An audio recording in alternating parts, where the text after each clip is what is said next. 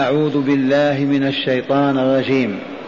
قل يا أهل الكتاب لا تغلوا في دينكم غير الحق ولا تتبعوا أهواء قوم قد ضلوا من قبل وأضلوا كثيرا وضلوا عن سواء السبيل. لعن الذين كفروا من بني إسرائيل على لسان داود وعيسى ابن مريم. ذلك بما عصوا وكانوا يعتدون. كانوا لا يتناهون عن منكر فعلوه. لبئس ما كانوا يفعلون. ترى كثيرا منهم يتولون الذين كفروا. لبئس ما قدمت لهم أنفسهم أن سخط الله عليهم وفي العذاب هم خالدون. ولو كانوا يؤمنون بالله والنبي وما أنزل إليه ما اتخذوهم أولياء ولكن كثيرا منهم فاسقون. قال المؤلف غفر الله له ولكم ورحمه وإياكم معنى الآيات. قال ما زال السياق في الحديث عن أهل الكتاب يهودا ونصارى.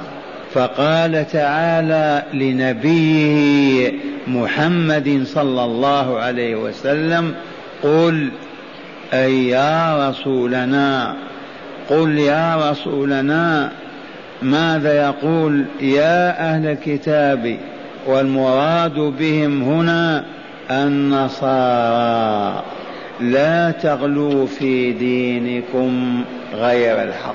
أي لا تتشددوا في غير ما هو حق شرعه الله تعالى لكم.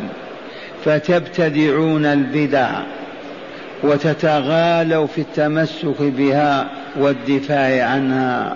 التشدد محمود في الحق الذي أمر الله به اعتقادا وقولا وعملا لا في المحدثات الباطلة. ولا تتبعوا أهواء قوم قد ضلوا من قبل وهم اليهود إذ قالوا في عيسى وأمه بأهوائهم فقالوا في عيسى ساحر. وقالوا في أمه بغي واضلوا كثيرا من الناس بأهوائهم المتولده عن شهواتهم وضلوا أي وهم اليوم ضالون بعيدون عن جادة الحق والعدل في عقائدهم وأعمالهم وأقوالهم. هذا ما تضمنته الآية الأولى وهي قوله تعالى قل يا أهل الكتاب لا تغلوا في دينكم غير الحق ولا تتبعوا أهواء قوم قد ضلوا من قبل وأضلوا كثيرا وضلوا عن سواء السبيل. أما الآيات بعد فقد أخبر تعالى في الآية الثانية. أخبر بماذا؟ بأن بني إسرائيل لعن منهم الذين كفروا على لسان كل من داود في الزبور وعلى لسان عيسى بن مريم في الإنجيل وعلى لسان محمد صلى الله عليه وسلم في القرآن الكريم. فقال تعالى لعن الذين كفروا من بني اسرائيل على لسان داود فقد مسخ منهم طائفه قرده وعيسى بن مريم حيث مسخ منهم أيضا نفر خنازير كما لعنوا على لسان محمد صلى الله عليه وسلم في غير آية من القرآن الكريم. وهذا اللعن الذي هو إبعاد من كل خير ورحمة ومن موجبات ذلك في الدنيا والآخرة. سببه ما ذكر تعالى بقوله ذلك بما عصوا أي بسبب عصيانهم وكانوا يعتدون. أي سبب عصيانهم لله تعالى ورسله بترك الواجبات وفعل المحرمات واعتدائهم في الدين بالغلو والابتداع ومقتل الأنبياء والصالحين منهم. وأخبر تعالى في الآية الثالثة بذكر نوع من عصيانهم واعتدائهم الذي لعنوا بسببه فقال كانوا لا يتناهون عن منكر فعلوه. أي كانوا عندما استوجبوا اللعن يفعلون المنكر العظيم ولا ينهى بعضهم بعضا. كما أخبر النبي صلى الله عليه وسلم في قوله إن أول ما دخل النقص على بني إسرائيل أنه كان الرجل يلقى الرجل فيقول يا هذا اتق الله ودع ما تصنع فإنه لا يحل لك ثم يلقاه من الغد وهو على حاله فلا يمنعه ذلك أن يكون أكيله وشريبه وقعيده. ان يأكل معه ويشرب ويقعد. فلما فعلوا ذلك ضرب الله قلوب بعضهم ببعض. ثم قال صلى الله عليه وسلم لعن الذين كفروا إلى قوله فاسقون. أي تلا الآية كما هي. لعن الذين كفروا من بني إسرائيل على لسان داود وعيسى بن مريم. ذلك بما عصوا وكانوا يعتدون. كانوا لا يتناهون عن منكر فعلوه لبئس ما كانوا يفعلون. ترى كثيرا منهم يتولون الذين كفروا. لبئس ما قدمت لهم أنفسهم أن سخط الله عليهم وفي العذاب هم خالدون. ولو كانوا يؤمنون بالله والنبي وما أنزل إليه ما اتخذوهم أولياء ولكن كثيرا منهم فاسقون. ثم قال صلى الله عليه وسلم كلا والله معاشر المستمعين والمستمعات هذه لنا فتأملوها. اسمعوا رسول الله يحلف اسمعوا رسول الله يبين. قال كلا والله لتأمرن بالمعروف ولتنهون عن المنكر ثم لا تأخذن على يد الظالم ولا تأطرنه على الحق أطرا ولا تقصرنه على الحق قصرا أو لا يضربن الله قلوب بعضكم ببعض ثم يلعنكم كما لعنهم. هذه لنا. اسمعوا رسول الله. بعدما تلا هذه الآيات الثلاث. قال كلا والله هكذا يحلف صلى الله عليه وسلم. كلا والله لتأمرن أيها المؤمنون المسلمون بالمعروف ولا تنهون عن المنكر ثم لا تأخذن على يد الظالم ولا تأطرنه على الحق أطرا ولا تقصرنه على الحق قصرا أو ليضربن الله قلوب بعضكم ببعض ثم يلعنكم كما لعنهم أي كما لعن اليهود والنصارى. إذا هذا الحديث لنا أو لمن؟ يقول الرسول بعدما قرأ هذه الآيات وهي في أهل الكتاب.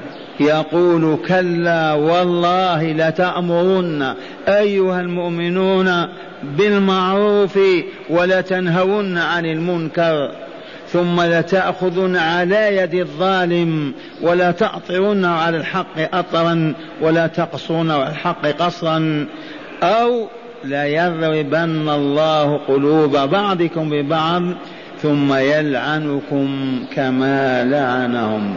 إذ ما هناك فرق بين اليهود والنصارى والمسلمين. الكل عبيد الله.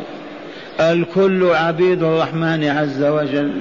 الكل يريد الله أن يعبدوه ليسلموا وينجوا وليسعدوا ويكملوا.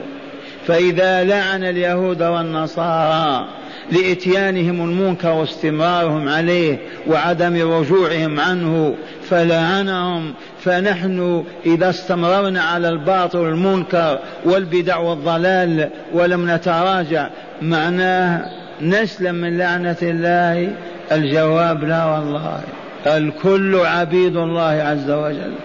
ثم قال المؤلف غفر الله له ولكم وفي آخر الآية قبح الله تعالى عملهم. قبح عمل أهل الكتاب فقال لبئس ما كانوا يفعلون. ثم قال لرسوله صلى الله عليه وسلم ترى بعينيك ترى كثيرا منهم أي من اليهود في المدينة يتولون الذين كفروا يعني من المشركين والمنافقين في مكة والمدينة يصاحبونهم ويوادونهم وينصرونهم وهم يعلمون أنهم كفار. تحرم موالاتهم في دينهم وكتابهم. اليهود بالمدينة يوالون المشركين وهم يعلمون أن المشركين كفار ملعونون.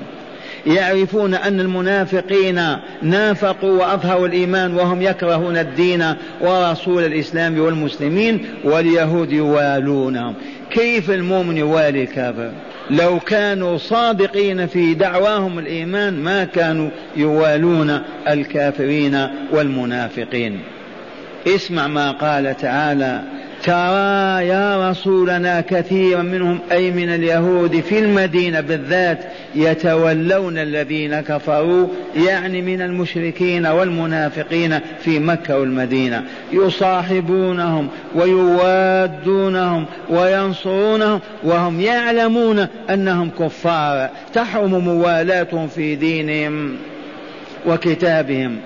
ثم قبح تعالى عملهم فقال لبئس ما قدمت لهم أنفسهم. لبئس ما قدمت لهم أنفسهم. نتيجة ما حملتهم عليه من الشر والكفر والفساد. وهو سخط الله تعالى عليهم وخلودهم في العذاب من موتهم إلى ما لا نهاية له في دار القيامة. فقال تعالى لبئس ما قدمت لهم أنفسهم أن سخط الله عليهم وفي العذاب هم خالدون. لا يخرجون منه أبدا ثم زاد تعالى تقرير كفرهم وباطلهم وشرهم وفسادهم فقال ولو كانوا يؤمنون بالله كما يجب الإيمان به وبالنبي محمد صلى الله عليه وسلم وبما جاء به من الهدى ودين الحق وما أنزل عليه من القرآن والآيات البينات لو كانوا هكذا ما اتخذوا الكفار والمشركين والمنافقين أولياء. ولكن علة ذلك أنهم فاسقون. إلا قليلا منهم أفراد قلائل فقط والفاسق عن أمر الله الخارج عن طاعته لا يقف في الفساد عند حد أبدا. هذا معنى قوله تعالى ولو كانوا يؤمنون بالله والنبي وما أنزل عليه ما اتخذوهم أولياء ولكن كثيرا منهم فاسقون. معاشر المستمعين نضع أيدينا على هداية هذه الآيات. فتأملوا. اولا حرمة الغلو والابتداع في الدين واتباع أهل الهوى. حرمة حرمة ماذا؟ الغلو والابتداع في الدين واتباع أهل الاهواء من أين أخذنا هذا؟ من قوله تعالى يا أهل الكتاب لا تغلوا في دينكم ولا تقولوا على الله إلا الحق. يا أهل الكتاب لا تغلوا في دينكم ولا تتبع أهواء قوم قد ضلوا من قبل وضلوا وأضلوا وضلوا وأضلوا كثيرا وضلوا. ومعنى هذا يحرم على المسلم أن يبتدع في دين الله أو أن يغالي فيه أو يتبع أصحاب الأهواء في دين الله. ومن هنا عرفنا ما حدث في هذه الأمة بعد القرون الذهبية الثلاثة. انتشرت البدع والضلالات والخرافات وتقسمت الأمة وتجزأت بسبب اتباع الأهواء وتقليد أرباب الأهواء واتباعهم والتعصب لهم حتى أصبحنا في أسوأ الأحوال. سبب ذلك ما أخذنا بوصايا الحبيب صلى الله عليه وسلم. أما قال عليكم شدوا بالنوارج عليكم بسنتي وسنة الخلفاء الراشدين المهديين بعدي عضوا عليها بالنواجذ. وإياكم ومحدثات الأمور فإن كل محدثة بدعة وكل بدعة ضلالة. وقد بين لنا الطريق وقد أعلنها واضحة صريحة عندما قال ستفترق هذه الأمة إلى ثلاث وسبعين فرقة كلها في النار إلا واحدة ففي الجنة. ستفترق هذه الأمة كما افترق اليهود إلى اثنتين وسبعين فرقة كما افترق النصارى إلى إحدى وسبعين فرقة. والله لتفترق هذه الأمة إلى ثلاث وسبعين فرقة. ووالله لقد وقع ما أخبر به رسول الله صلى الله عليه وسلم. فرق وطوائف ومذاهب وكلها في النار. لم يا رسول الله في النار؟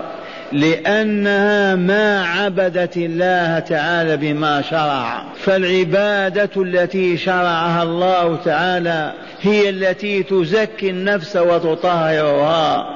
أما ما ابتدعه العلماء المبتدعة فالعمل به لا يزكي النفس ولا يطيبها ولا يطهرها. إذا كلها في النار إلا واحدة في الجنة فقام رجل من أصحابه في ذلك المجلس المقدس الطاهر وقال من هي الفرقة الناجية يا رسول الله؟ وهذا السؤال يقع لكل مؤمن. كلها في النار إلا واحدة ففي الجنة. ما هذه الفرقة التي في الجنة يا رسول الله؟ فقال صلى الله عليه وسلم واحفظوا واعملوا وطبقوا واطلبوا النجاة لأنفسكم. قال هم الذين يكونون على ما أنا عليه اليوم وأصحابي. فيجب أن تكون عقيدتنا عقيدة رسول الله صلى الله عليه وسلم وأصحابه. لا نختلف معهم أبدا فيها. يجب أن تكون عباداتنا كما كان رسول الله يعبد الله بها وأصحابه. لا زيادة ولا نقصان ولا تقديم ولا تأخير. يجب أن تكون آدابنا وأخلاقنا كما كان عليه رسول الله وأصحابه. هذا سبيل النجاة. هذا يتوقف على المعرفة. يجب أن نعرف كيف كان يعتقد رسول الله وأصحابه. في الله وفي لقائه وفي الإيمان وبما أمر الله بالإيمان به. يجب أن نعرف كيف كان رسول الله يتوضأ ويغتسل ويصلي ويحج ويعتمر ونفعل كما كان يفعل. يجب أن نعرف كيف كان الرسول يتعامل مع الناس فنتعامل كما كان يتعامل مع الناس. في آدابنا في أخلاقنا في معاملاتنا. هذا والله طريق النجاة. العلم أولا كيف كان الرسول يعتقد في الله ولقائه والدار الآخرة والملائكة والأنبياء والرسل السابقين؟ نعتقد كما كان يعتقد. كيف كان الرسول يعبد الله من التيمم إلى الاغتسال إلى الرباط إلى الجهاد إلى القضاء إلى الحكم. فنقضي ونحكم ونعمل كما كان الرسول صلى الله عليه وسلم وأصحابه يقضون ويعملون. وليس هذا بالمستحيل ولا بالصعب أبدا. كل ما في الأمر أن نهيئ أنفسنا لأن نعبد الله عبادة تزكي أنفسنا وتؤهلنا لرضا الله والسكن في دار السلام مع النبيين والصديقين والشهداء والصالحين. فلا عنصرية ولا مذهبية ولا طريقة ولا حزب ولا ولا إنما نحن مسلمون عباد الله. نعبد الله بما شرع والحمد لله قد حفظ الله لنا هذا الدين حفظه بحفظه الخاص. وإلا لكان منذ مئة سنة فقط اختلط وما أصبح فيه ماء يعبد به الله. لكن الله أولا قال إنا نحن نزلنا الذكر وإنا له لحافظون. فحفظ لنا كلامه آية بعد آية ستة آلاف ومئتين وأربعين آية. وحفظ لنا سنة رسول الله وإن داخلها الزيادة والنقص والتبديل ولكن هيأ الله لها في كل عصر من يصونها ويحفظها كما هي. لتقوم الحجة لله على الناس وإلا كان على الله أن يجدد الرسالة ويبعث برسول. معاشر المستمعين في الآية الأولى حرمة ماذا الغلو والغلو الزيادة؟ لا تزيد ولا كلمة في دين الله. ما شأنك أن تزيد أنت أو تنقص؟ لقد أنزل الله كتابه وبينه رسوله. الصلاة كما صلى الرسول. لو تزيد سجدة في صلاة الصبح أو ركعة في صلاة المغرب بطلت صلاتك بالإجماع. ما هو شأنك تزيد؟ لو تحاول أن تنقص أو تنقص تكبيرة واحدة. قول ما هناك حاجة إلى هذه التكبيرة في هذه الصلاة؟ الصلاة باطلة. ما معنى باطلة؟ ما تزكي النفس. لماذا الآن نحن نسأل كيف نحج وكيف نعتمر؟ لماذا؟ لعلمنا اليقيني أن هذه العبادة إذا لم نفعلها كما بينها الرسول ما تؤثر على نفوسنا. أي ما تزكي أرواحنا ولا تطيبها. وعلة العبادة تزكية النفس وتطهيرها. وطلبنا تزكية نفوسنا لعلمنا بحكم الله علينا. ألا وهو قد أفلح من زكاها وقد خاب من دساها. فمن أراد الفلاح وهو الفوز بالجنة بعد النجاة من النار فليزكي نفسه أي فليطيبها وليطهرها. ما هي مواد التطهير الإيمان الصحيح كإيمان الرسول وأصحابه والعمل الصالح الذي شرعه الله في وهو هذه العبادات من صيام إلى صلاة إلى صدقات. ثانيا العصيان والإعتداء يتنا ينتجان لصاحبهما الحرمان والخسران. العصيان أي عصيان الله ورسوله بعدم فعل ما يأمران به وعدم ترك ما ينهيان عنه. هذا هو العصيان والاعتداء هو الظلم وتجاوز الحد. هذان ينتجان لصاحبها والله العظيم الحرمان من رضا الله وجواره والخسران بالخلود في النار. ثالثا من أين عرفنا هذا العصيان والاعتداء؟ أما قال تعالى لعن الذين كفروا من بني إسرائيل على لسان داود وعيسى بن مريم بسبب ما؟ قال قولوا بما عصوا وكانوا يعتدون. عصوا رسل الله. عصوا الله ما عبدوه بما شرع لهم وكانوا يعتدون بالظلم والطغيان والشر والفساد. ثالثا قال حرمة السكوت عن المنكر ووخامة عاقبته على المجتمع. حرمة السكوت عن المنكر. نراه ونسمعه ونسكت. ووخامة عاقبته على المجتمع بكامله. أتذكرون ما قال أول الآية قال تعالى كانوا لا يتناهون عن منكر فعلوه لبيس ما كانوا يفعلون. وبين الرسول صلى الله عليه وسلم كان الرجل منهم يرى أخاه على معصية ينهاه. اتق الله واترك هذه. ومن الغد يراه يفعلها ويكون آكل مجالس قاعد ما. فمن ثم من ثم ضرب الله قلوب بعضهم بعض وأصبحوا لا يتناهون عن منكر فعلوه وهذا بإجماع الأمة. من راى منكرا يجب أن يغيره بيده إن استطاع. ما استطاع بلسانه يا عبد الله لا تفعل. ما استطاع بلسانه خاف أن يؤذى في نفسه أو ماله أو أهله يغير بقلبه. أما أن نسكت عن المنكر ونرضى به سوف يعمنا. وضربنا لذلك مثلا قرية أو حي من الأحياء. أصبح أهل البيت يخرجون المزابل ويرمونها عند الباب. هذا يرمي وهذا يرمي وليس هناك من يقول لا تفعل. وليس هناك من يبعد هذه الأوساخ والقاذورات. يوم بعد يوم أسبوع تتحول تلك إلى بعوض وذباب وحشرات ثم تتحول إلى أوبئة ويهلك أهل القرية كلهم. بسبب ماذا؟ لما رمى الرجل أو المرأة الوسخ عند الباب كان يقول له أخوه يا, يا أخي لا تفعل هذا. هذا يسبب مرضنا. لكن لما سكتوا سكت الثاني والثالث وأصبحوا يرمون مزابلهم عند الباب امتلأت الحارة أو الحي أو الحوش بالأوساخ والقاذورات وعمهم المرض. ذي هي الحقيقة. كانوا لا يتناهون عن منكر يفعلوه لبئس ما كانوا يفعلون. إذا حرمة السكوت عن المنكر ووخامة عاقبته على المجتمع. في القرية دخلها رجل جاء بمعصية أعلنها. أهل القرية يقول يا فلان ما ينبغي هذا. لا تبع هذه هذا الباطل في بلدنا. لا تفعل هذا. يقول الأول والثاني والثالث يستحي أخوهم ويخرج أو يترك هذا.